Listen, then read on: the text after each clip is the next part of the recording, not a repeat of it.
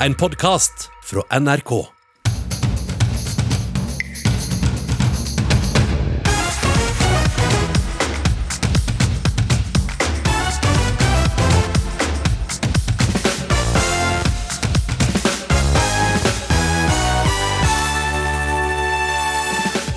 Molde-ordførerens Oslo-kritikk har fått overdrevent mye dekning. Det mener Erna Solbergs tidligere statssekretær. Klikkene viser at folk vil lese om det politiske spillet, svarer VG-kommentator. Sovner i Oslo øst for smitteskylda. Nå sparker komiker Josef Hadaoui tilbake til vestkanten. Det er jo de som drar til Alpene og shoppingturer til London og sånn, så det og har kanskje dratt med seg ting hit. Så det, jeg føler liksom ikke at det er Oslo øst som har det hovedansvaret. Kjendiser på TV blir som maling på en gammel rusten holk, mener aviskommentator. Han etterlyser bedre underholdning på TV uten å måtte ty til kjendiser. Og var IS-kvinnene uskyldige husmødre eller farlige terrorister? Kristin Tue Nesse mener det er skummelt å ufarliggjøre kvinnenes rolle. Vi skal selvfølgelig også ut i VM-løypa på kvinnenes tremil her i ukeslutt. Jeg heter Linn Beate Gabrielsen, og vi starter med ukas store snakkis. Jo, for her, her kommer Molde. Og Molde, her kommer vi. Hvis Oslo i større grad hadde greid å smittespore, greid å ha kontroll på, eh, på smitta til enhver tid, så kunne man hatt en større grad av åpning i deler av samfunnet. Fordi vi får jo importsmitte fra Oslo. Stort sett er det jo der det kommer fra. Jeg ønsket å invitere denne eh, ordføreren til Oslo. Det er dessverre ikke mulig, sånn at han med selvsyn kan eh, se hva vi gjør og hvilke utfordringer vi har, som nok fortorner seg som litt annerledes enn i Molde.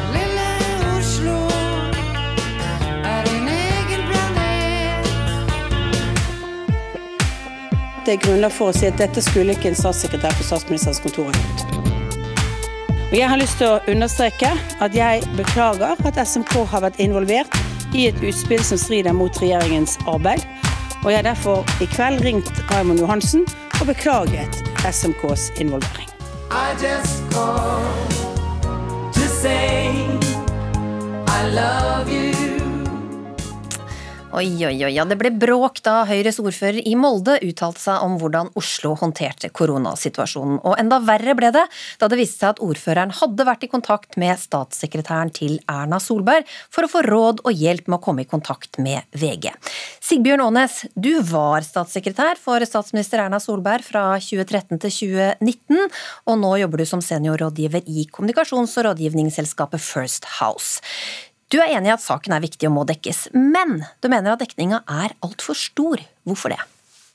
Jo, fordi at uh, nå har, uh, har spørsmålet hvem som snakker med hvem når, uh, fullstendig overskygga det som kunne vært en debatt, nemlig om både regjeringens vaksinestrategi, om byrådets håndtering av pandemien i Oslo, om det er riktig og hvordan man skal nå skjevfordele vaksine isteden, så, så har man nærmest lagt opp et sånt minutt for minutt for det norske folk om hvem som snakker med hvem når, og det er overskygga fullstendig. Og jeg, jeg, ser jo også både i dagens Aftenpost med Anke Gerhardsen og andre kommentatorer at det er ganske mange som er enig i det.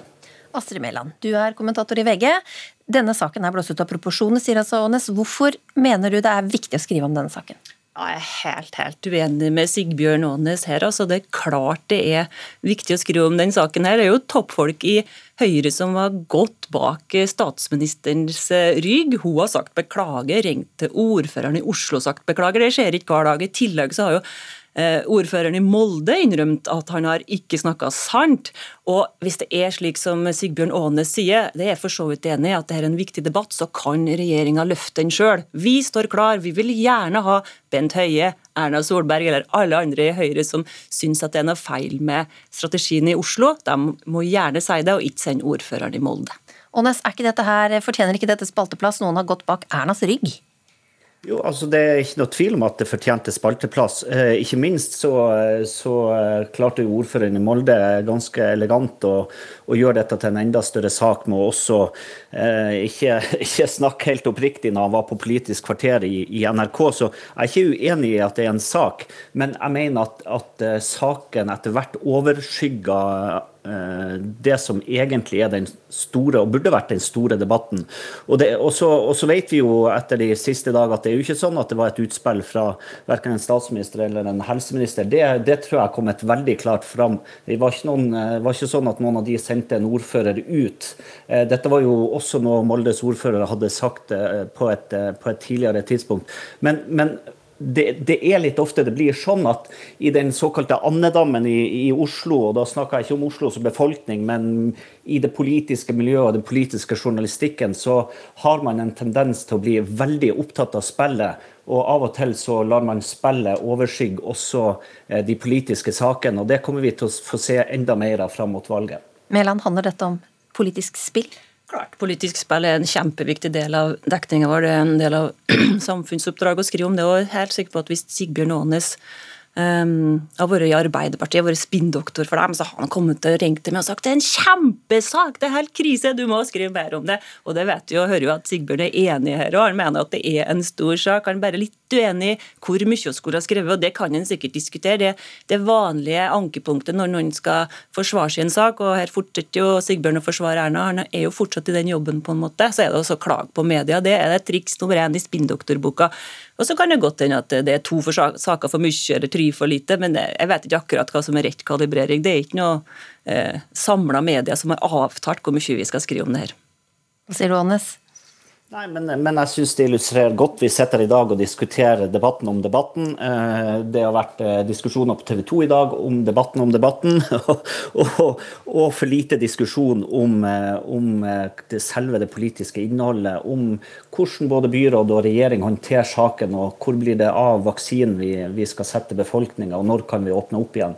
Jeg tror også det norske folk er opptatt av det, selv om, selv om det sikkert klikker godt å skrive, skrive om spillet i tillegg.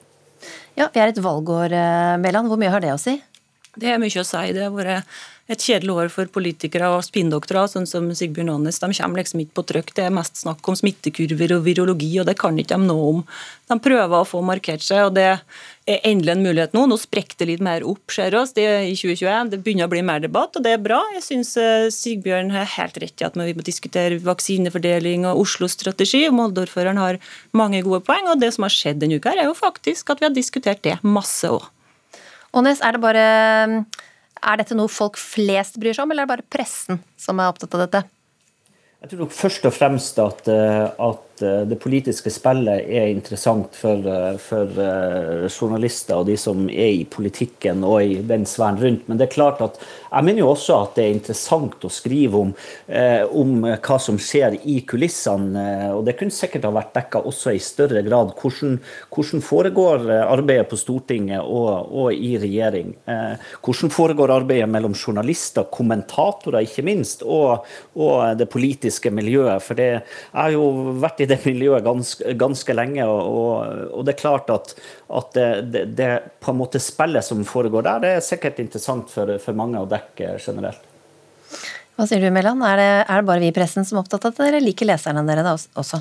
Jeg tror leserne er opptatt av det. Det er klart det. Når Erna Solberg innkaller til hatepressekonferanse, så er det mange som følger med. Og det er mange som blir overraska over at det faktisk er slik at ordføreropprør her i Norge ofte er organisert fra Oslo. Det tror ikke jeg er første gangen at en spinndoktor i Høyre eller for så vidt et annet parti har ringt rundt ordføreren sin og fått dem til å gått ut mot motparten. Det tror jeg er ganske vanlig, og det tror jeg er noe som vi trenger å vite om. Hva sier du, Hannes? Ja, det er akkurat det jeg tror at dette altså det er nok mer vanlig, så, så, var nok denne saken spesielt. Det handla både om korona. Vi hadde en ordfører som ikke bare diskuterte Oslo byrådets håndtering, han klarte å fornærme egentlig hele Store-Oslo og befolkninga. Så det gjorde, i tillegg til at regjeringa skulle endre en vaksinestrategi når dette eh, utspillet kom, så, så det gjør jo akkurat dette spesielt. Men på generelt basis så er det ingenting spesielt over denne saken. Jeg har, jeg har eh, nok også bidratt til å, til å, organisere eh, utspill, og jeg har også måttet forsvart meg mot utspill eh, kommet fra rundt omkring i landet, organisert av, av partistrateger i Oslo. Så det har du noen eksempler å by på? Nei, men, men jeg, jeg synes vi, vi, hadde nylig et annet eksempel på, på dette. og Det var, det var eh, kommunikasjonsarbeidere i Arbeiderpartiet som hadde bidratt til å skrive en kronikk og få den på om at Støre er eh, Støres gode egenskaper. og Det mener jeg det, det var godt gjort, for det, det, er også en del av jobben deres. Bidrar til at sånne ting kommer frem. For det, det hender jo også ikke sant, at folk sitter rundt omkring og snakker om ting. og så Eh, så er det ikke sånn at det er nødvendigvis en spinndoktor som finner på verken hva du skal si, eller at du skal si det. Men av og til så fanger du også opp ting som du tenker at hm, dette fortjener et større publikum. Rett og slett Men, så tenker du det, for, det, for det, det, tjener vår sak, og da bidrar du til å få det ut. Trekker i de rette trådene. Men du hadde jo mange år ansvaret for nettopp posisjoneringa og håndteringa av Erna Solbergs omdømme i pressen. Eh, det var din jobb, som du sier, også få sånne saker som vi diskuterer nå, til å framstå mindre viktig kanskje enn det andre ønsker å framstille dem som. Er det det du gjør nå også? Nei, jobben er nok helt annerledes. Og så er det nok litt eh, kjedeligere sånn sett i næringslivet enn eh, det er i politikken når det kommer til det politiske spinnet. Det er ikke, det er ikke, det er ikke sånn det, det funker der på den måten. Selv om det er også en kamp om oppmerksomheten. Til slutt her, Statssekretær ved statsministerens kontor Peder Egseth ble også invitert til Ukeslutt i dag, men han har altså ikke svart på henvendelsen vår. Jeg sier tusen takk jeg, til dere to, VG-kommentator Astrid Mæland og Sigbjørn Aanes fra First eh, House. Neste sommer, ja. Kan vi drømme om denne, eller må vi sikte på neste sommer også i år, eh, assisterende helsedirektør Espen Nakstad? Du, jeg tror eh, at den sommeren som kommer nå kan bli ganske bra eh, i Norge. Og eh, nå ser det ut som vi får stadig flere vaksinedoser framover. Det er vanskelig å tro på det akkurat i dag, i og med at det har kommet så lite hittil. Men når det kommer millioner av leveranser i mai og juni, så vil det hjelpe veldig på situasjonen. Men det er altså registrert 690 nye koronasmitta det siste døgnet, og det er liksom nye rekorder som bare renner inn. Nå er det eh, det verste smittedøgnet noensinne i Tønsberg og, og Færder, ifølge Tønsbergs eh, Blad. Og da er det altså varsla nye nasjonale tiltak til uka. Eh, statsminister Erna Solberg skal holde en tale i morgen i forbindelse med at det er ett år siden Norge stengte ned. Fem professorer nå sier også i VG at vi bør stenge helt ned. Vurderer dere det? Altså, nå skjer det veldig mye fra dag til dag. i Disse Vestfold-kommunene som du nevnte, tidligere Vestfold fylke, de har jo noen nasjonalt eh, vedtatt eh, forskriftstiltak. Eh, de strengeste som er. Sånn som Nordre Follo hadde for noen uker siden også. Så, og mange enkeltkommuner også har jo innført veldig strenge tiltak nettopp for å få smitten ned. Eh, det vi jobber med nå, er jo hvordan dette skal settes i et system som, hvor det skjer raskt og effektivt og enda bedre koordinert enn det det har vært hittil. Og at vi er mer målrettet også der hvor smitten faktisk er. Men Betyr det at det ikke vil bli noen nasjonal nedstengning, slik vi så i fjor? Eh, altså, Hva regjeringen beslutter avhenger jo av smittesituasjonen på det tidspunktet man tar en beslutning, og veldig mange andre faktorer. Og Men hvor langt unna er vi det nå, da, med det R-tallet vi har? Det går ganske kjapt unna. Vi er helt avhengig av å få snudd R-tallet, og et av oppdragene vi har fått er jo nettopp å se på hva må til for å få det R-tallet antallet til å gå ned, under én. Eh, og um, da er det jo de tiltakene som vil være nødvendige for det, som vi vil foreslå. Det kan være alle mulige tiltak. Og det kan være tiltak for hele landet.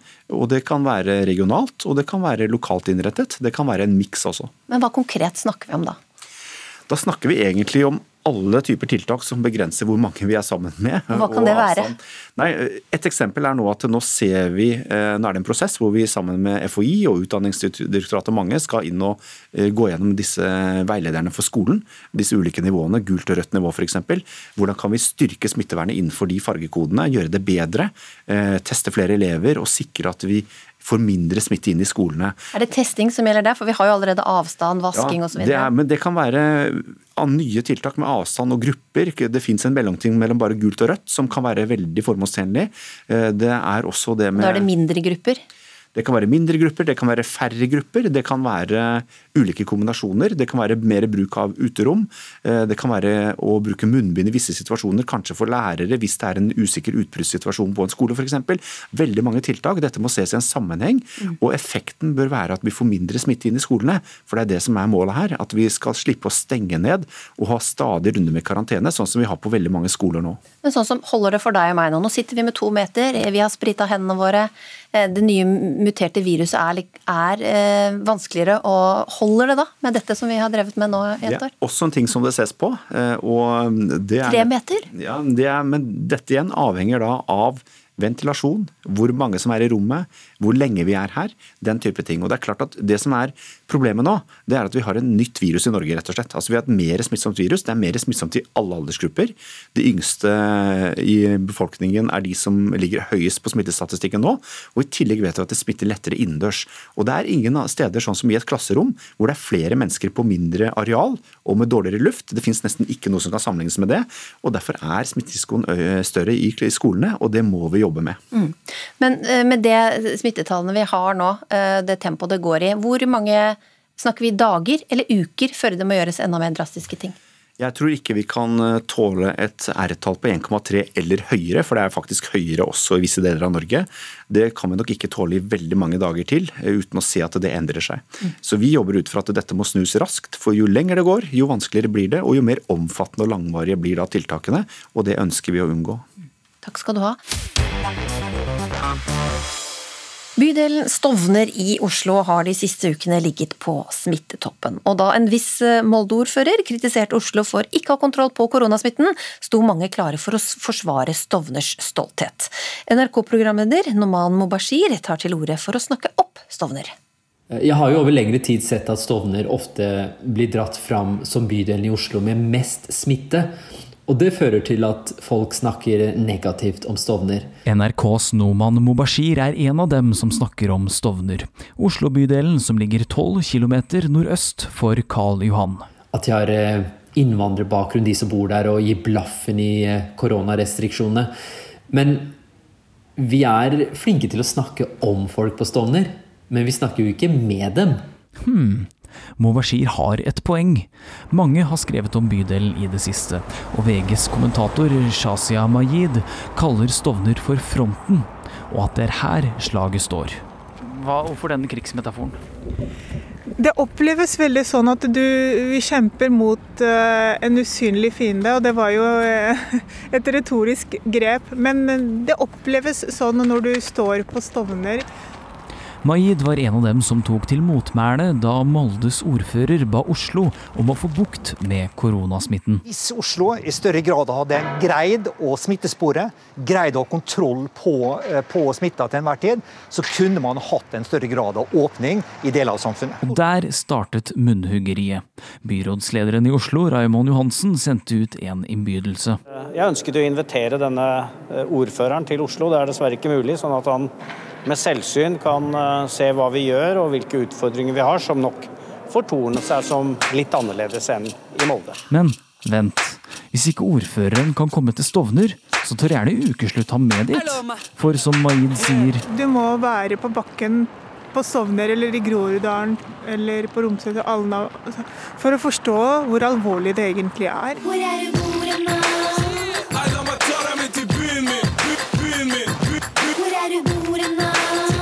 Blokkene som omringer Stovner senter ser uendelig høye ut i den ferske tåken.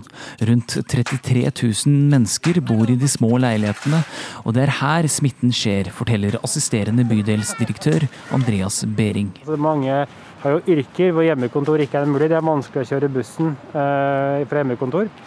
Eh, og også, eh, mange bor jo også med mange mennesker. Og den vanligste smitteveien eh, på Stovner er jo i hjemmene. Selv om Oslo har stengt ned det meste, er aktiviteten stor utenfor Stovner senter. Og en av grunnene til det står på fire hjul bak en busslomme. Her ser vi da den mobile teststasjonen, som jo eh, står her eh, hele denne uka og neste uke også. Og... Fram til påske, i hvert fall fram til påske. Skyter seksjonsleder for nærmiljø inn Karoline Rømming Varmbo. Utenfor står to unge gutter med munnbind og visir, beredt til å svare på alt. De kalles koronaverter. Er det koronavert i dag? Akkurat i dag? Ja. Det er litt kaldt, da. Som i går så var det fint vær. Da er det ikke så ille å stå ute. Men uh, i dag, det er greit. Dette burde ordføreren ha sett. Bydelen Stovner har ansatt rundt 50 unge folk til å dele ut munnbind, håndsprit og siste tiltaksnytt. Koronavertideen blir visst nå eksportert til også andre kommuner i landet. Vi får også sysselsatt en rekke unge, unge voksne. Uh, og i tillegg så får de um, opplæring. De får disse som er arbeidsledere, får lederkursing osv. Så, vi rigger dem godt opp til til videre arbeid i tillegg, da. På vei inn i senteret møter vi koronaverten Iman. Når jeg spør henne om hvordan det er å bo på Stovner akkurat nå, virker hun litt lei av spørsmålet. Det er jo ikke noe forskjell med, mellom Stovner og f.eks. Eh, Strømmen. Støyen fra kjøpesenteret gjenspeiler støyen i samfunnet. Og flere rekker nå opp hånda med en irettesettende pekefinger. Annet skuespiller og komiker Josef Hadaoui. Det er jo ikke et eh, Oslo øst-problem, dette, egentlig. fordi det er jo, det er jo en kort T-banetur, så er det på Oslo vest. Og det er jo litt der eh, Det er jo de som drar til Alpene og shoppingturer til London og sånn. Så det så har kanskje dratt med seg ting hit. Så det, jeg føler liksom ikke at det er Oslo øst som har det hovedansvaret. Hadaoui mener at uansett hvor ille smitten er i landet, så er det andre land i verden som har det verre. Jeg koser meg med Netflix og pysjamas og det er liksom og kan spise, bestille mat og få den på døra og sånn. Altså, jeg, jeg, jeg, tør Jeg føler ikke at jeg har myndighet til å klage i det hele tatt. Men selv om Stovner nå har fått seg noen skudd for baugen, så er det visse krefter som forsøker å gjøre noe med det. NRKs Noman Movashir er en av dem. Så derfor tenkte jeg, øh, hvorfor ikke ta kontakt med venner og bekjente på Stovner, og spørre dem om de og ja, deres venner kunne tenkt seg å svare på noen spørsmål. Ting vi som ikke bor på Stovner lurer på, da. Og responsen var effektiv. Og de svarene har jeg da delt eh, på Facebook og Instagram under da denne emneknaggen eh, 'Jeg er fra Stovner'. Eh, og det er mange som eh, liker intervjuene. Jeg har fått mye hyggelig respons. Eh, og så skal jeg dele enda flere intervjuer i løpet av helgen. Emneknaggen 'Jeg er fra Stovner' brer nå om seg, og kanskje er det litt mer fremsnakking som må til. Når Oslo øst er lei, og Molde-ungdommen er lei. Jeg syns det er rett og slett barnslig. altså voksne som oppfører seg som om de var tolv år, liksom. VGs Shazia Maid beskriver det slik. Ja, nå er vi ikke på vårt Vi er ikke på vårt beste. Ingen av oss. Det føles det som. Men samtidig så, så, så er vi jo Det mest positive er jo hvor mye tålmodighet vi har faktisk har vist. da.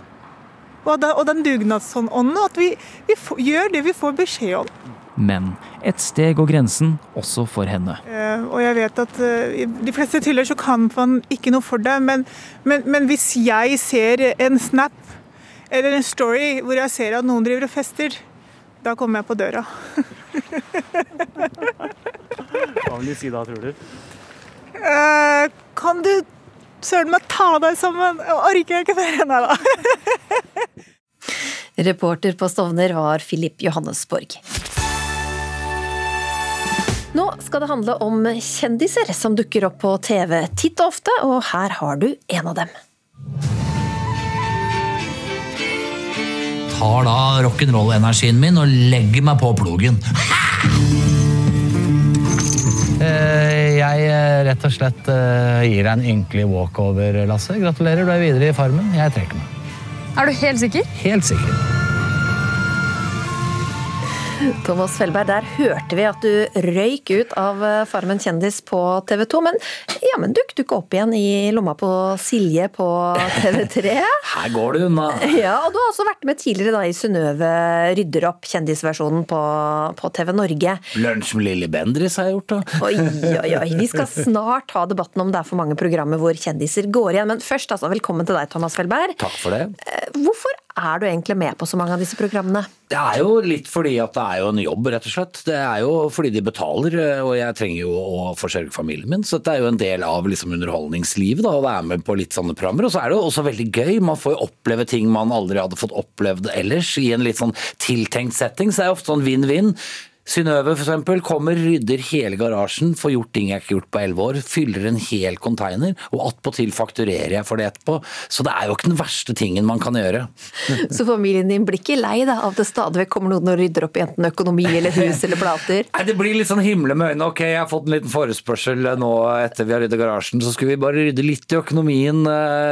Det er selvfølgelig litt lørdagsgodt å forvente etter det, men så trenger man jo ikke å gå så inn i det det er jo personlig, men det er jo ikke så privat. Du viser jo hvem du er, og du viser liksom private sider av deg selv, men det er jo allikevel en liten karakter i dette. Det er jo underholdnings-TV, dette her. og underholdnings nett-TV har jo blitt sånn at folk gjerne vil se kjendiser eller andre gjør ting som de kanskje ikke egentlig skulle, eller åpne opp hjemmet sitt. og Jeg tror det er kommet for å bli, altså. Ja. Men hvordan er det egentlig dette her foregår?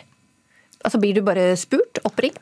Ja, jeg har jo Booking selvfølgelig som driver med dette her, og det er jo mange andre. Og vi er jo på en måte mange underholdere, vil jeg si, som eh, jo driver med mye seriøse ting òg. Jeg lager jo sær radio hver eneste uke på NRK P13, gjort det i 19 år. Så jeg har jo på en måte Det er jo ikke bare kommers, men det er jo en del av det som jo er eh, underholdningsfeltet, tenker jeg. Hvor eh, det er jo skuespillere, det er idrettsfolk, det er folk som meg, gamle rockere som nå driver på TV, og som jo er med på forskjellige ting også fordi at det er jo en del av det som man gjør. ikke sant? Man kunne jo stått på en scene et eller annet sted, men nå er det jo korona, da må man på TV. ikke sant? Ja. Men Betyr det at du er litt sånn på tilbudssida, aktivt ute og, Ja, og søker oppdrag også? Jeg er aktivt ute og søker oppdrag. Det er bare å ringe, ta kontakt med Thomas Felberg hvis du har lyst til å ha det litt moro, og ikke minst har en krone i lomma. Ring meg opp. Men har du sagt nei noen gang, da?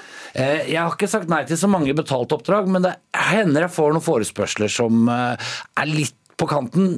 En jeg måtte si nei til, det var når NRK P3 ringte meg for P3-aksjonen. Veldig hyggelig ting, og jeg støtter jo det av hele mitt hjerte, men de ville da at jeg skulle eh, ta og tisse rett og slett på en flaske, så skulle de ta og så fryse det ned, og så gi det som is til en av programlederne i P3 under P3-aksjonen. Og da tenkte jeg, vet du hva, det kan jeg ikke være med på. Det syns jeg ble for mye. Og tenk på at en stakkars da, en jente på 23 år eller noe skulle da holde på med det, vil ikke engang gå inn på detaljene. Eh, det, det, da måtte jeg si nei. Men er det andre typer av disse kjendisprogrammene da, som du absolutt ikke ville deltatt på? Eller kunne det liksom vært Paradise Hotel, Ex on the Beach? Ja, nei, det er bare Paradise Hotel Senior, eksempel. Der Ja. kan jeg stille som programleder. Jeg kan bli av Trianas istedenfor Triana, ikke sant. Og, nei, jeg tenker at man må kanskje ha en litt sånn uh, avslappa forhold til seg selv, og det tror jeg også veldig mange som er med på dette her, uh, har. At det er ikke så på en måte Hvorfor skal man ta seg selv så høytidelig at man ikke kan være med på noe som for det første betaler de, og for det andre så er det jo en moro greie. Og ikke minst så er det jo reflekt, en refleksjon av hva, hva folk vil ha. Folk har lyst til å sitte og se på dette her, og publikumsopinionen bestemmer jo på en måte, men det er jo ikke dermed sagt man hele tiden må da sitte og se på reality-programmer eller kjendisprogrammer. Eh, Det hender jo jeg ikke ser på reality-programmer, jeg òg. Det er mulig å variere. Men du, takk for at du ble med. Vi får kalle det Ukeslutt kjendis, da, NRK-programleder Thomas eh, Felberg. Jo, takk for det.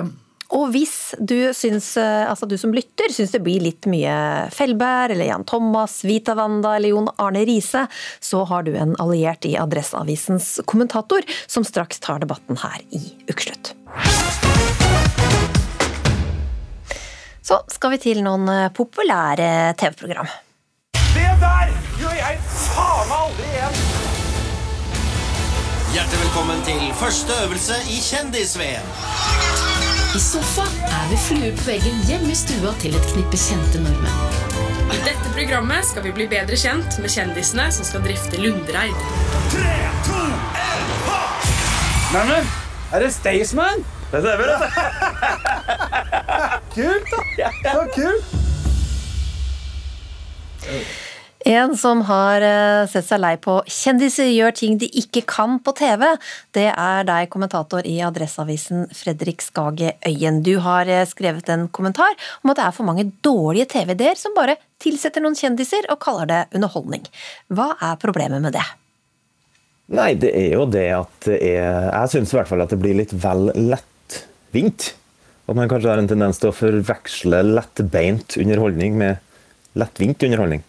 Eh, så det er litt vanskelig å eh, Ja, jeg føler at eh, kreativitet avler kreativitet, og latskap avler latskap. Og nå er vi på vei mot noe som minner om latskap. Ja, hva reagerer du mest på? Er det, er det dårlige TV-konsepter, eller er det den utstrakte bruken av kjendiser? Det er nok Altså, jeg er jo egentlig ikke så sur på kjendisene i seg sjøl.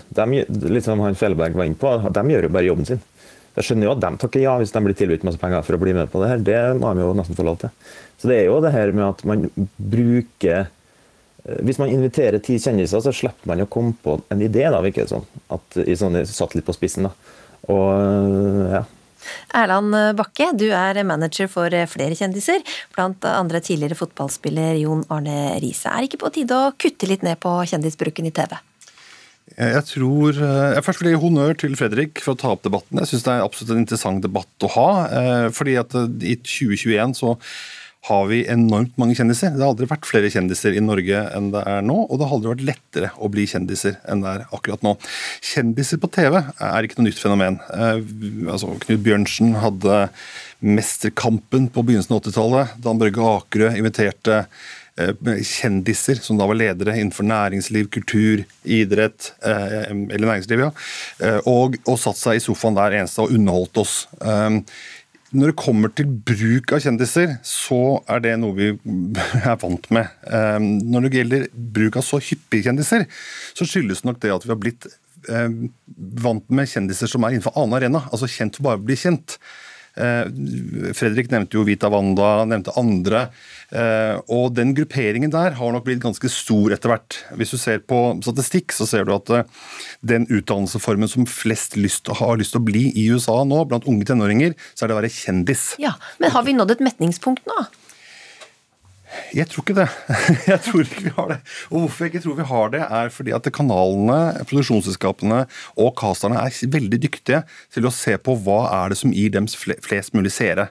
Eh, og deres vurdering er at de ser på eh, hvilken følgere disse kjendisene har, hvor stor appell disse kjendisene har innenfor ulike grupperinger, og basert på det så blir de med i ulike programmer. Det er ikke noe automatikk i når du først har vært med på 71 grader nord, at du da blir med på Kompani Lauritzen eller blir med på Skal vi danse eller stingene her. Dette vurderer vurderes ut ifra hvilken type tyngde og fotavtrykk du setter igjen etter å ha vært med på en sånn type TV-produksjon. Øyen, kjendiser de, de, selger jo. Mange av disse TV-programmene har uh, høye seertall. Er ikke det et uh, godt nok mål, da? Jo, men, altså, det spørs jo hva man snakker på vegne av. da. Det er jo et godt nok mål for produksjonsselskapene. selvfølgelig. De er jo interessert i mest mulig penger og mest mulig seere.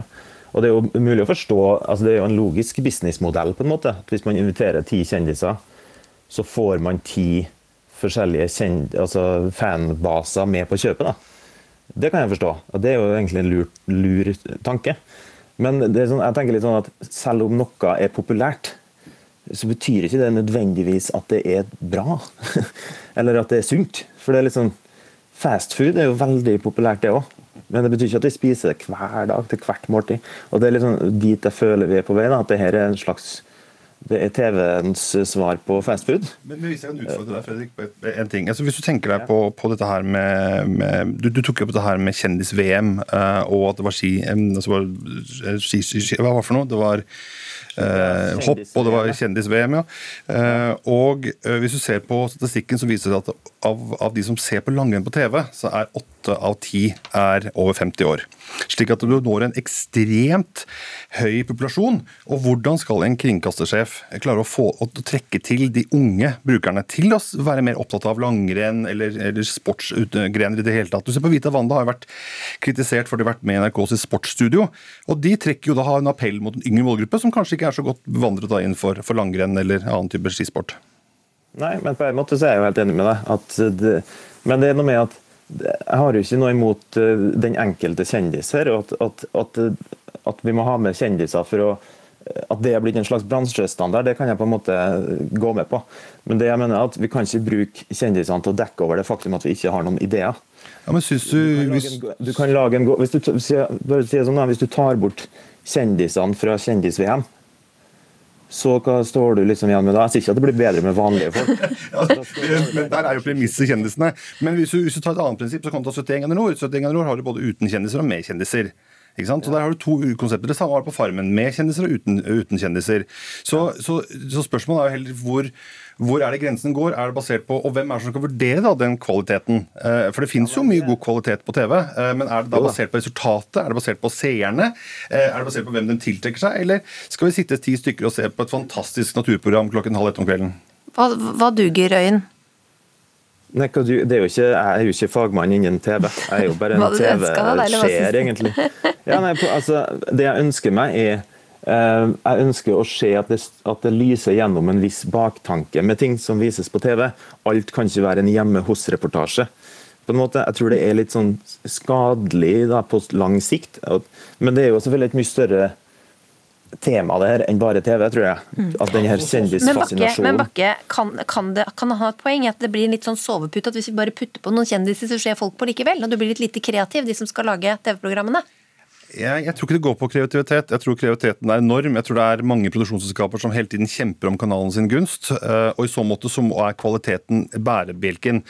Men så finnes det jo selvfølgelig programmer som er basert bare på kjendiser, eller som bygger opp under det. Altså Du har chart, Charterfeber, du har Sofa, hvor kjendiser ser på andre kjendiser. Så du har disse konseptene som er kanskje enkle, men som er svært underholdende. Og jeg tror at I en mediehverdag og en mediemiks hvor du nå har 24 timers underholdning, så må man variere litt. Man har ikke råd til å ha produksjoner oppå en ja, på en, halv, på en halv million kroner for ett minutt TV lenger. Man må ned i produksjonskostnadene, og da finner man den type konsepter som dette her. Som jeg ikke sier er de mest kreative som får en Oscar, eh, men samtidig som er god, god underholdning. Takk skal dere ha for at dere ble med i Ukeslutt, kommentator i Adresseavisen Fredrik Skage Øyen og kjendismanager Erland Bakke. Det er en eh, stor sportslørdag, og skiskytter Tiril Eckhoff vant sprinten i verdenscupen i dag. Og akkurat nå er langrennsdamene godt i gang med den avsluttende tremila i ski-VM i Oberstdorf. Og reporter eh, Morten Stenberg, det er jo Therese Johaug som er regjerende mester på øvelsen. Og hvordan vil du beskrive starten på tremila? Eh, Starten på tremila den vil jeg beskrive som en maktdemonstrasjon fra Therese Johaug, som er i ferd med å gå inn til sitt fjerde VM-gull her i Sør-Tyskland. I øyeblikket har hun passert 10 km av denne tremila. Hun leder med nesten minuttet. Vi trodde jo at dette skulle bli en kamp mellom Therese og svenske Ebba Andersson, Frida Karlsson, men det ble det ikke, for bare etter en 4-5 km i den første motbakka, så dunka jenta fra Dalsbygda til og gikk fletta av konkurrentene. Og stillingen akkurat nå etter 10 km, den er altså at Therese hun leder med 53 sekunder på Ebbe Andersson. Så har vi Heidi Weng der på en fjerdeplass, også 53 sekunder. Og så er det hyggelig, vi har med Tiril Rudnes Weng og Anne- Kjersti Kalvå blant de 10-12 beste der. Så Norge dominerer. Svenskene er ikke i nærheten. Kan vi, har de smørt seg bort eh, nok en gang, eller hva tror du?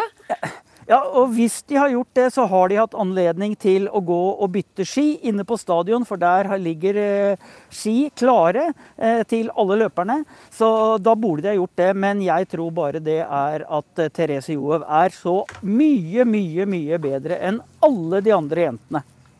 Men du, hvordan ser resten av denne sportslørdagen ut?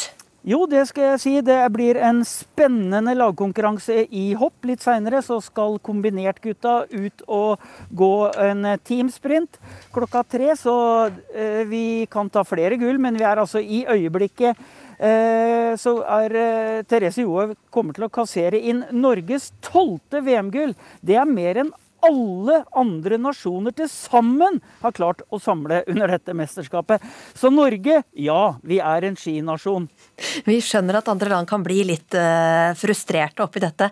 Alt dette eh, og mer kan du høre i NRKs VM-studio på, på TV, og ikke se, ikke minst. Takk så langt, Morten Stenberg. Vi satser jo på å få med oss eh, målgang på tremila mot slutten av denne sendinga, og regner med at eh, ikke noe skjer, sånn at eh, Johaug ikke klarer dette.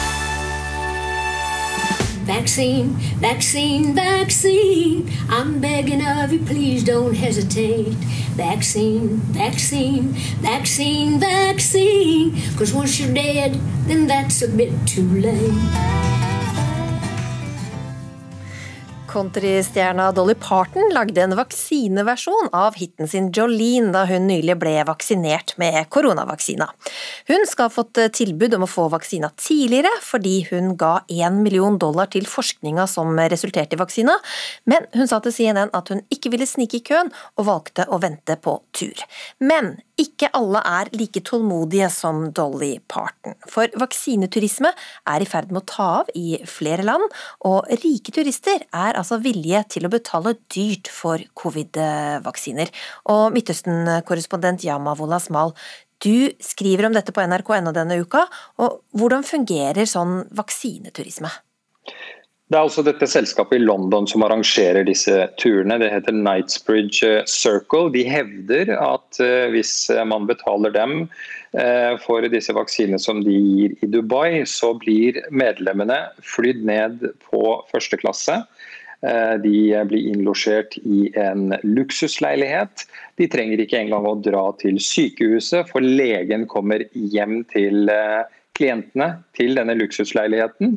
Eh, Og så oppholder de seg der. Leiligheten ligger gjerne på stranda, så de eh, får første dose.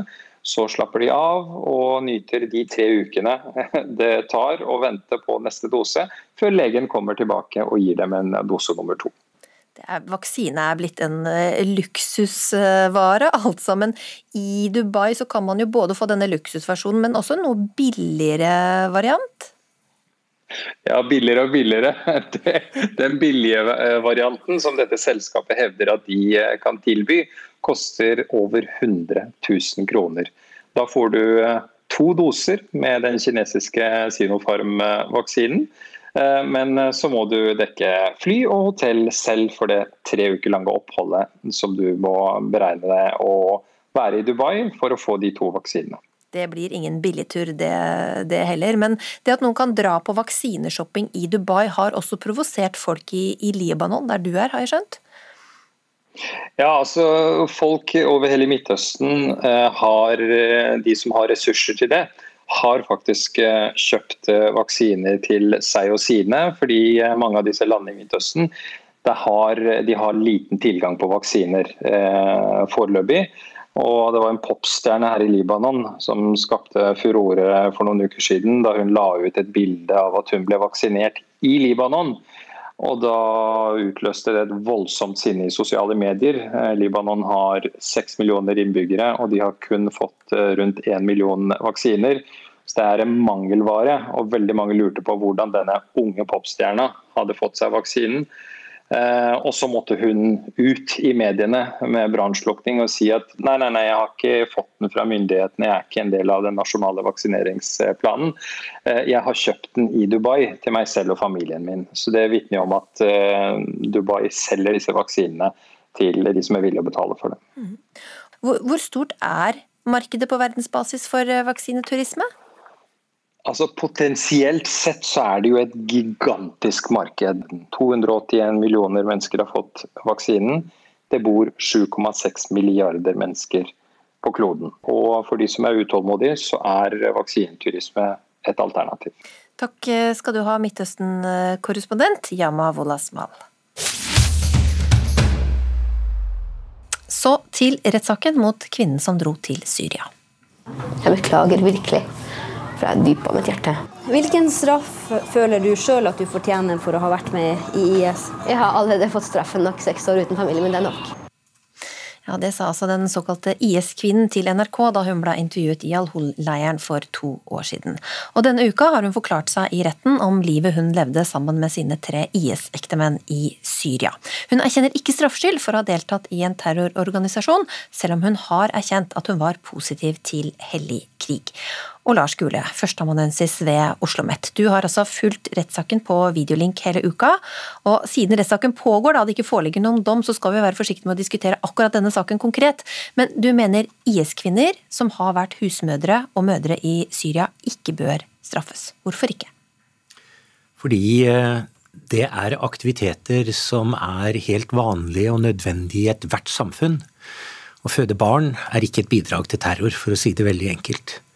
Eh, Det at eh, noen har angivelig lagt til rette for, det kunne kanskje falt inn under medvirkning, ved at man altså har oppmuntret ektemenn til å delta. Eh, Men medvirkning er ikke straffbart etter den norske straffeloven på dette punkt, den paragrafen, som hun er tiltalt etter.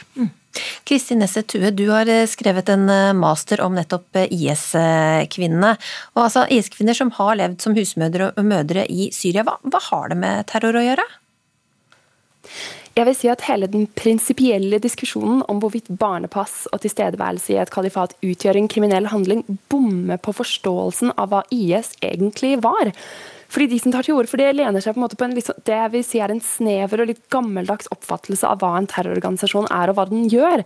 IS skiller seg helt fra andre terrorgrupper fordi målet var å etablere en stat. Og som Lars Gule sier, så har en stat innbyggere, den har et byråkrati. IS-kalifatet utførte mange helt dagligdagse funksjoner vi er vant til fra våre egne liv. Og derfor så er det mye enklere å prøve å ufarliggjøre det disse kvinnene gjorde, nettopp fordi de bare passet barn og ikke sprengte ikoniske bygninger. Men alle ekstreme grupper har mennesker i andre funksjoner enn kampfunksjoner. De trenger ikke å være noe mindre overbeviste eller noe mindre kapable til vold. Det bredte seg jo etter hvert ganske stor misnøye blant IS-kvinner fordi de ikke fikk lov til å delta i voldshandlinger. Og her mener jeg altså at Argumentasjonen er på feil spor. fordi Kvinnene som fødte barn inn i kalifatet, gjorde det ikke fordi de ikke hadde noe bedre å gjøre. De fødte barn som skulle føre videre kalifatets prosjekt på alle samfunnsnivåer. Altså Disse barna skulle lære B for bombe i skolebøkene. Guttene ble født for å dø i selvmordsangrep. Og det blir på en måte meningsløst å diskutere hvorvidt det å få barn i seg selv er en terrorhandling, når konteksten i denne situasjonen er at formålet med disse barnas eksistens var å fremme terror. Ja, Gule, de skulle fødes for å føre kalifatet videre og bli soldater, de også, disse barna. kan minne om at eh, SS etter krigen ble kriminalisert. Det var straffbart i prinsippet etter Nürnberg å ha vært medlem i SS. Det var av de mange hundre tusen SS-medlemmene så var det ytterst få som ble stilt, til retten, stilt for retten. Og de som ble stilt for retten, hadde gjort noe. De hadde vært vakter, de hadde vært torturister osv. Skulle man ha kriminalisert deres familier i tillegg?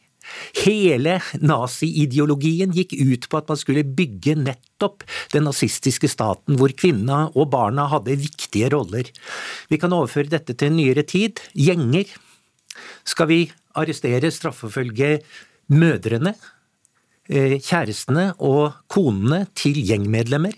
Vi har straffebestemmelser som gjør skjerper straffen for å være med i en gjeng som begår kriminelle handlinger. Prinsippet er i norsk rett, og det ble vedtatt nettopp etter annen verdenskrig gjennom menneskerettighetene som er en del av Grunnloven, det er at vi straffer folk for handlinger, konkrete handlinger, ikke intensjoner, ikke ideologier, ikke synspunkter. Og Ja, det er sier- her vi er på vei til å gli ut. Hva sier du til det, Tone? Nei, Tue, det holder jo ikke bare å, å, å tenke noe, liksom, for å bli dømt. Ja, jeg vil bestride at vi befinner oss på tankestadiet når det er snakk om å samle inn 50 000 kroner og reise til Syria for å tilslutte seg verdens farligste terrororganisasjon. Denne kvinnen giftet seg tross alt med en mann fordi de delte de samme ekstremistiske idealene før hun reiste ned. Altså, Det er ikke mannen som førte kvinnen inn i fortapelsen, den veien fant hun helt fint selv. Og som sagt, jeg vil si at Når man befinner seg på det stadiet, da er man over i handlingsstadiet. Og man er ganske langt forbi tanke- og planleggingsstadiet. Da er vi dessverre- Da er vi dessverre inne på den konkrete saken, og det du da sier, det er feil. Det er rett og slett feil. Det var ikke straffbart å være medlem, heller ikke aktiv deltaker i Jabhat al-Nusra i, eh, i eh, februar eh, 2013. Det ble kriminalisert i Norge. Én som en følge av at Jabhat al-Nusra havnet på FNs sanksjonsliste 30. mai 2013, og fordi norsk lov fikk inn den aktuelle paragrafen 21.6.2013. Derfor er hun tiltalt bare for ting som har skjedd i og etter juni. Men hvis vi, hvis vi løfter blikket opp fra akkurat den konkrete, da, andre da, som dro eh, etter at denne loven eh, ble vedtatt, ville det, mm. ville det da være en aktiv handling nok, mener du, å dra, dra, da dra ned? Igjen. Jeg mener man ikke skal straffes for verken å reise eller tenke og ha ideer. Hvis man dro til kalifatet og drev rekruttering, så har man bidratt med en aktiv handling. Hvis man dro ned dit fordi man ville leve i en sharia-stat, så kan man fordømme dette, som jeg gjør. Den islamske stat var en islamofascistisk stat, en terrorstat. Men det var nettopp det at i ethvert grusomt system så finnes det mennesker av alle avskygninger med alle mulige funksjoner og roller. Og det å skulle straffe noen for å føde barn og passe, passe barn, det blir meningsløst. Da har vi laga et lovverk som en gummistrikk. Hva sier du, Tue? Det du faktisk foreslår, er at de som deltar i en terrororganisasjon på riktig måte, få gå fri. Og jeg tenker at Presedensen denne saken setter, kommer til å ha enorme ringvirkninger for hvordan vi står stilt til å takle fremtidens terrorutfordringer i alle former.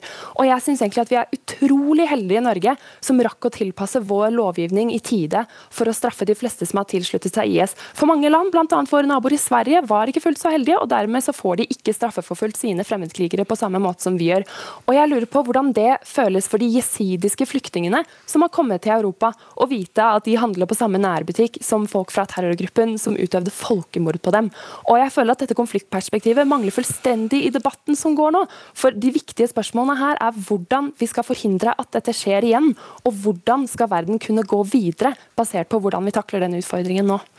Gulle, er det vanskeligere for oss som samfunn å akseptere at også kvinner kan være terrorister? Nei. Og det er eh, en del, ytterst få riktignok, men en del med sympatier for islamisme som har vært delaktige i f.eks. selvmordsaksjoner. De har vært aktive i terrorceller i eh, Europa. Så det handler ikke om at kvinner ikke har vilje og eh, handlingsmuligheter, men akkurat i Syria så ble handlingsmulighetene svært begrenset som en følge av IS egen ideologi og praksis.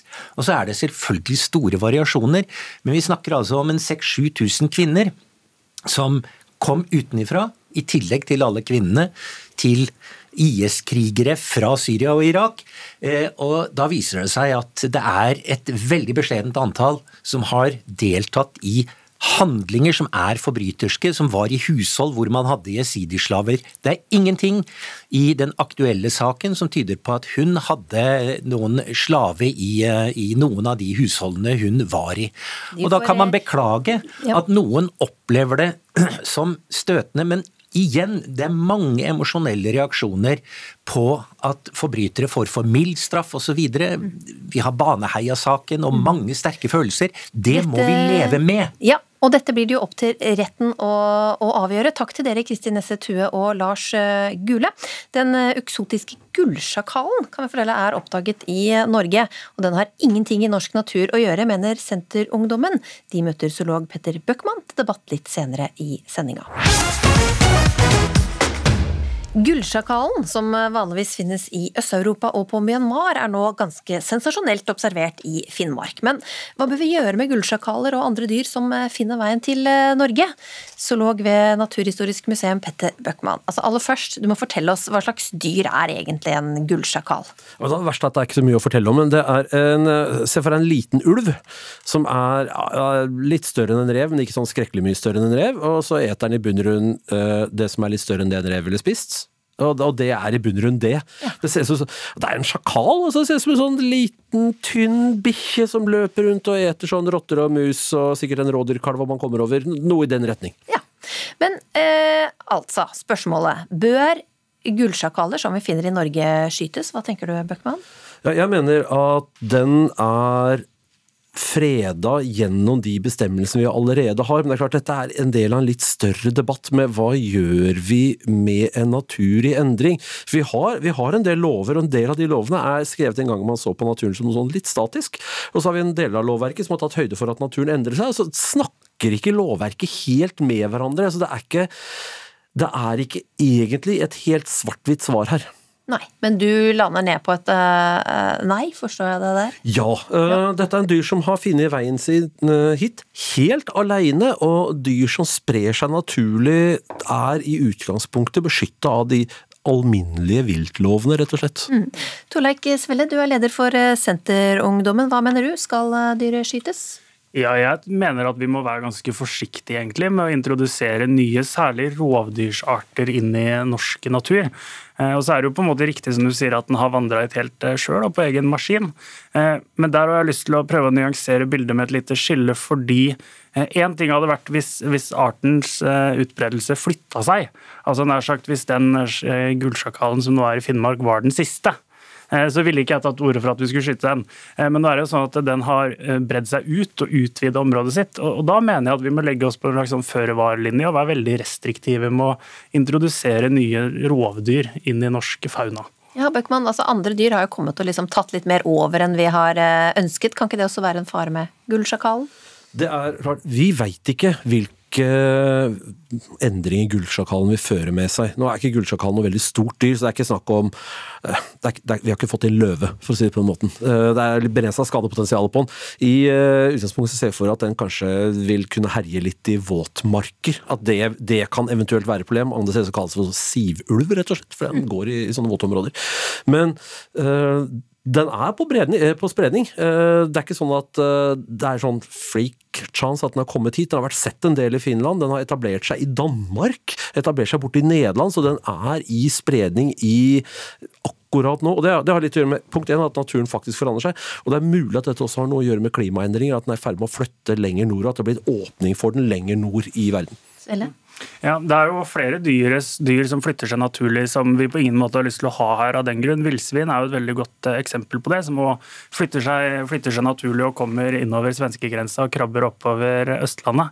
Eh, som gjør utrolig stor skade. og Villsvin er jo store, store dyr som folk syns det er ubehagelig å ha i nærområdet sitt.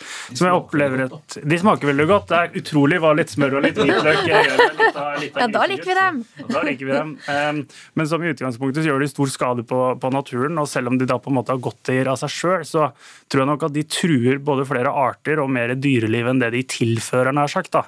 Eh, Og Derfor så har jeg lyst til å være litt sånn restriktiv og legge i hvert fall et føre-var-prinsipp på å slippe ulike arter inn i landet. da. Ja, Når det gjelder villsvin, så er det, på en måte en annen situasjon, for den er altså innført i Sverige. Det var, var villsvin her en gang i tiden, det var villsvin her i steinalderen, og så ble den utrydda. Eh, Så det er jo for så vidt egentlig en gammel art som har kommet inn igjen, litt som vi har innført moskus, som var her i forrige mellomistid. Kanskje vi burde innføre indisk elefant òg, vi har jo et mammut her. Eh, Sånn at eh, det er sånn Vi har, vi har en forvaltning som fungerer litt på sånn stikk fingeren i lufta og kjenne til hvilken vei vinden blåser-regulering, og egentlig ikke har en sånn prinsipiell holdning til hvilke dyr er det som er hjemmehørende her, hvilke er det som ikke er hjemmehørende her. Vi har jo rådyr som har kommet av seg sjøl. Det var ikke rådyr her i, i 1900, de kom fra en liten stamme som var igjen i Sverige. Det har vært rådyr kanskje i middelalderen, men, men den har kommet inn igjen. Så har vi innført dyr. Svane, knoppsvane f.eks., en asiatisk art som vi har ført inn. og den er jo farlig. Vi hadde denne havnesjefen som gikk løs på ei unge. Kun litt kjappe barnehagetanter som klarte å redde den saken der. Skal vi utrydde svanen? Er det på tide å skyte ut den? Hva sier du, Svelle? Nei, eh, men nå er jo gulsjakalen som er liksom det vi snakker mest om. Men eh, og, sånn som jeg har forstått dette, her, så er jo den kompatibel med at den kan pare seg med andre dyr, både ulv og rev og, og bikkje. Og jeg, jeg tok også og ringte litt rundt og snakka med litt folk som eh, bor oppe i Porsanger-området, der hvor den er observert. Og sånn jeg forsto det på de, så var ikke de som veldig lystne på at den skulle drive og pare seg med bikkjene sine, så man fikk en sånn surprise avkom på, på gulvet en lørdagsmorgen som blanding mellom gulsjakal og, og hushund, nær sagt. Eh, Og det for meg er jo egentlig et godt argument med at vi skal være ganske forsiktige med å introdusere den inn i norsk fauna. altså. Ja, da er det, altså, si, når det gjelder sånn paringssjanse, sånn, så er dette er en problemstilling vi har med ulv i utgangspunktet. og Det, er, det skjer fryktelig fryktelig sjelden. at ulv i, i Norge-Sverige i 40 år, en norskgrense ulvesamme, og det er to registrerte tilfeller av hybridisering. Og Sjakalen tilhører lenger ut i systemet og er mer forskjellig fra bikkje enn det ulv er. Så jeg er ikke redd for det. Som zoolog så er ikke jeg engstelig for det. Men det er klart, det kan hende at vi får noen overraskelser. Det skal vi ikke stikke under stol, det er helt riktig. Eh, Og vi bør være litt føre var, og vi har ikke alltid vært føre var når det gjelder håndtering av nye dyrearter i naturen. Canadagås, innført. Stor, gild fugl. Eh, Jeg har opplevd at den har gått fra å være freda da jeg var guttunge, til så å bli jaktbar, og nå er den svartlista. Ja. Men Svelle, hvis gullsjakalen da ikke gjør så stor skade verken på natur eller beitedyr, hvorfor er det så farlig om det etablerer seg? Jo, hele poenget mitt er at det her er det jo egentlig ikke så veldig mange som veit så mye om. Ja, det Eh, ja, for man, man veit ikke så veldig mye om hva det vil si å, å innføre gulsjakalen. Eh, og av det på en måte bærende prinsippet så mener jeg at vi må være litt sånn føre var. Og, jeg tror nok at hvis man kunne gjort det eh, Tenk villsvinet, da. Hvis man kunne på en måte vært etterpåklok der og tenkt var det lurt å slippe ut det i Sverige? Ja, nei. Så tror jeg de fleste hadde landa på nei. Og derfor så har jeg lyst til å være litt føre var. Jeg tror jeg hører en slags enighet om føre-var-prinsippet her eh, hos dere. Takk for at dere tok debatten i Ukeslutt. Eh, Leder i Senterungdommen Torleik Svelle og zoolog Petter Bøckmann.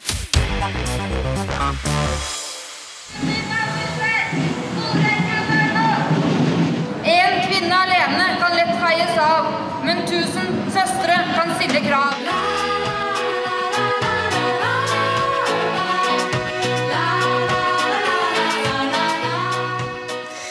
Engasjerte kvinner og menn i 8. mars-tog, ja det kan vi jo se langt etter eh, i år. Pandemien gjør at de fleste steder må rope slagord fra sofaen og skrive digitale faner på kvinnedagen på mandag. I koronapandemien så har typiske kvinnedominerte jobber stått i eh, frontlinja. Det gjelder bl.a. i helse og omsorg, varehandelen og renhold. Og det opptar eh, LO og dere i Arbeiderpartiet i år. Stortingsrepresentant for Arbeiderpartiet Anette Trettebergstuen.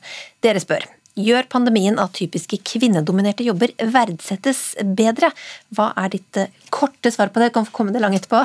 Vi har alltid vært opptatt av eh, disse damene i de eh, typiske kvinneyrkene. At de må få faste hele stillinger og et bedre arbeidsliv.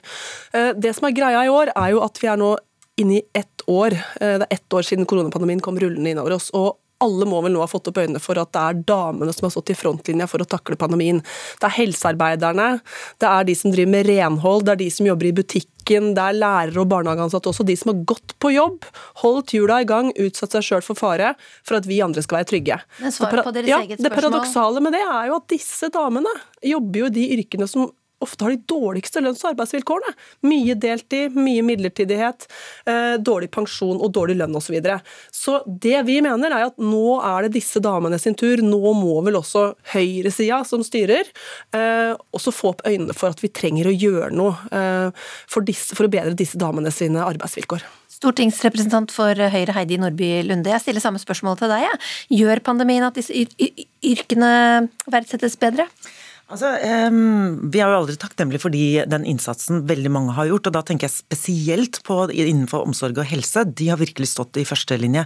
Men jeg aksepterer ikke helt premisset om at disse yrkene ikke var verdsatt i utgangspunktet. Jeg har jo sjøl vokst opp med en mormor som eh, gikk gradene fra å være eh, hjemmehjelp eller hushjelp til å bli, eh, og tjenestepike til å bli serveringsdame på Scotsman. Jeg tror jeg alltid har hatt en innebygget stor og dyp respekt for hardtarbeidende kvinner i lavtlønnsyrker, fordi jeg vet hva det betyr å faktisk da stå i eh, hele faste stillinger, som hun også hadde. Og jeg tror, eh, men jeg tror at noen eh, Det er jo ikke bare disse som har stått på. Husk på at 95% av Norges befolkning har hele tiden vært i arbeid, og det gjelder også yrkessjåfører, lagerarbeidere og mye menn som også har stått i førstelinje under denne pandemien. Og vi skal være takknemlige for alle, og ikke sette yrkesgrupper opp mot hverandre, som jeg føler at venstresida gjør. I- hva er det de trenger, da? Nei, Vi setter ikke yrkesgrupper opp, opp mot hverandre. Eh, De yrkesgruppene du nå nevnte, eh, lider jo under de mye av de dårlige eh, vilkårene som, som disse damene i de typiske kvinneyrkene lider under. Eh, Så vi trenger et løft og en opprydning i arbeidslivet som vil treffe flere enn disse damene vi løfter fram nå på, på 8. mars. Men det er riktig å gjøre det nå, fordi at vi har ført en kamp eh, lenge for at disse damene skal få de skal ha hele faste stillinger. Altså, vi vet at eh, 70% av helsefagarbeiderne i kommunene og 50 av sykepleierne jobber deltid. Og veldig veldig mange av de ønsker å jobbe mer, men de får ikke. I tillegg så er mange ansatt på korte kontrakter, altså midlertidighet. Det gjør noe med, med tryggheten din og muligheten til å kunne være økonomisk fri. Eh, I tillegg så er det jo dårlige pensjonsordninger og, og lav lønn i disse yrkene. Så nå trenger vi et skikkelig løft for denne delen av arbeidslivet. Ja, det er det vi ber om. Nordby Lunde, fortjener ikke disse her eh, faste stillinger, høyere lønn? Helt enig. Det er fortsatt en utfordring at altfor mange jobber deltid i Norge. og Høyre har jo hele tiden sagt at flere må jobbe mer og stå lenger i, i arbeid. Men heldigvis er jo faste hele stillinger hovedregelen i arbeidslivet. Og under denne regjeringen, siden 2013, så har også antall i deltid i Norge gått fra 42% kvinner i deltid til 37% så, Og det er særlig unge kvinner med barn som nå velger heltid, og det er jeg veldig glad for. Så er det en spørsmål om vi skal, trenger en opprydningsaksjon i arbeidslivet arbeidslivet. Heldigvis så er norsk arbeidsliv eh, veldig godt organisert, og det er hovedsakelig seriøse eh, aktører. Vi innfører jo nå og har stemt for pensjon fra første krone, som eh, kommer i, om to år, og som skal fases inn over, over tid. Men Arbeiderpartiet og LO har jo vært mot endringer i arbeidsmiljøloven, som bl.a. har gjort at vi ser at i flere omsorgsvirksomheter, som f.eks. da Hadia Tajik, nestleder i Arbeiderpartiet, besøkte sykehjemmet i Arendal og skulle vise at i Arbeiderpartistyrte kommuner, der blir, går man fra deltid til heltid. Så hadde de brukt de endringene vi gjorde i 2015 i arbeidsmiljøloven til å innføre eh, langtid, altså, eh, langvakter, Mm. som gjorde at de hadde økt antall ansatte fra deltid til heltid, og som gjorde eh, at også beboerne følte seg tryggere fordi at det var færre i turnus. Jeg høres ikke dette bra ut, Trettebergstuen? Og LO faktisk eh, hadde generalstreik mot, og har lovet å Men fagbevegelsen hadde generalstreik i 2012 mot uh, regjeringa sine endringer i arbeidsmiljøloven nettopp fordi at det kom til å gå utover de typiske kvinneyrkene. Det var lov med langturnuser før også, det var bare sånn at de ansatte måtte være med på det. Men jeg synes det, det er jo greit da, eh, å, å, å smykke seg med at ting har gått litt i rett, riktig retning, og det var jo fordi at da vi satt i regjering, Arbeiderpartiet, i 2013, før vi gikk av, så innførte vi noen lovendringer som har gjort at dette har gått litt opp. Men det er ikke godt nok. Og det holder ikke for høyresida å lene seg på Ar- Arbeiderpartiet sin, sitt arbeid. Man må videre. Når vi ser at kun 15% av alle eh, stillinger innen helse og omsorg som blir lyst ut, kun 15% av de stillingene er heltidsstillinger. Og hele 20% av alle nyutlysninger eh, har en stillingsbrøk på under 20 ja, da må man gjøre mer. Og Jeg er lei av at høyresida eh, viser til at eh, for noen så går dette greit, og i det store bildet så, så er det ikke så ille, og det går framover. Det går for tregt framover. Dette handler om livene og arbeidsforholdene. Men hva mener du de skal gjøre, da? Ja, Vi i Arbeiderpartiet vi vil innføre flere lovendringer for å styrke retten til hel heltid. Vi vil gjeninnføre den millionpotten på 30 millioner, som vi hvert eneste år hadde i statsbudsjettet, som eh, gikk til lokale forsøk og tiltak for å få til eh, mer, eh, mer heltid. I tillegg så må vi jo styrke kommuneøkonomien, for vi ser jo det at mange tjener på å ansette folk i i små stillingsbrøker, um, istedenfor å, ansette flere eh, fast. Så det er en hel rekke ting som må til, og det er vårt største løfte nå til velgerne. Vi skal ta en opprydning i arbeidslivet. Nå fortjener disse damene Lunde hele faste stillinger. fortelle, Er det dette deres svar også? Vil dere ha flere heltidsstillinger, og hvordan? Ja, altså, Vi har jo sagt hele tiden at flere må jobbe mer og stå lenger i arbeid. og Det betyr jo at flere må inn i arbeidslivet eh, fra å ikke være i arbeid i det hele tatt. Flere må gå fra deltid til heltid, og også vi som er i heltid. Vi må jobbe lenger for at eh, vi skal eh, Men hvordan skal dere få flere inn i heltid? Eh, Det, når når Trettebergstuen her sier at det var lov med langturnus også før vi gjorde endringene i arbeidsmiljøloven, så var jo det noe som fagbevegelsen stri- stritta mot. Ja, det var lov, men det var ikke så enkelt å gjennomføre. Nå ser vi både i fengselsvesenet og i helse- og hvordan skal dere få flere i, i, i Ja, så bruker de de endringene vi gjorde i 2015, som Arbeiderpartiet stemte mot, til å nettopp få flere inn i heltid. Så har vi innført fortrinnsrett for, for deltidsstillinger til å få heltid dersom det byr seg i eh, den bedriften du, du jobber i. Eh, Det, var, det ble stemt over i 2017, og jeg mener å huske at jeg var saksordfører på den saken. Vi rekker ikke detaljene i det. Jeg er nødt til å avbryte og si tusen takk, Anette Trettebergstuen fra Arbeiderpartiet og Heidi Nordby Lunde fra Høyre. Morten Stenberg, du er i Oberstdorf, og nå nærmer kvinnene seg mål på tremila. Det er bare flere fall som kan hindre Therese Johaug fra å vinne dette fjerde gullet i eh, Oberstdorf. Hun leder med over to og et halvt minutt. Men bak henne så har det vært dramatisk i kampen om sølvet.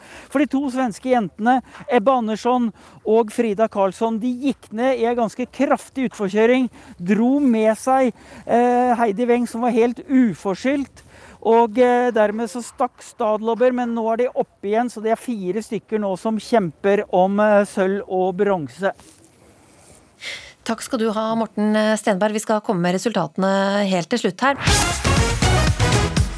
Og nå løper vi inn til VM i Oberstdorf, for der Ja, for akkurat i eh, dette øyeblikket så går Therese Johaug inn til sitt fjerde VM-gull i Oberstdorf og blir med det VM-dronningen over alle dronninger. Og vinner da samtidig sitt 14. VM-gull. Eh, Et stykke bak henne så kjempes det nå en durabelig kamp om eh, sølv og bronse. Det er to svensker mot Heidi Weng og mot østerrikske Stadobler. De kjører nå de siste svingene inn ned mot stadion, og det kommer til å bli avgjort her om et eh, minutt, eh, halvannet, tenker jeg. Heidi Weng er jo en spurtsterk eh, jente. Hun har sølvet på gaffelen, men da må det ikke skje noe i de siste svingene her, slik det gjorde for en eh, 10-15 minutter siden. Da tok de to svenske jentene og kjørte og falt. Det førte til at eh, Heidi Weng hadde ikke sjans til å komme unna en ulykke og en krasj. Nå har de to svinger, én sving ned igjen. De setter seg ned i hockey. Østerrikske Stadlobrer er kjørt av lasset. To svensker foran Heidi Weng. Det er én liten motbakke igjen. Heidi er i øyeblikket på en fjerdeplass. Kjører denne svingen veldig bra inne på stadion. Så skal hun inn i en siste sprintbakke. Og der går Heidi Weng! Heidi Weng kjører for fullt opp inn i den siste motbakken.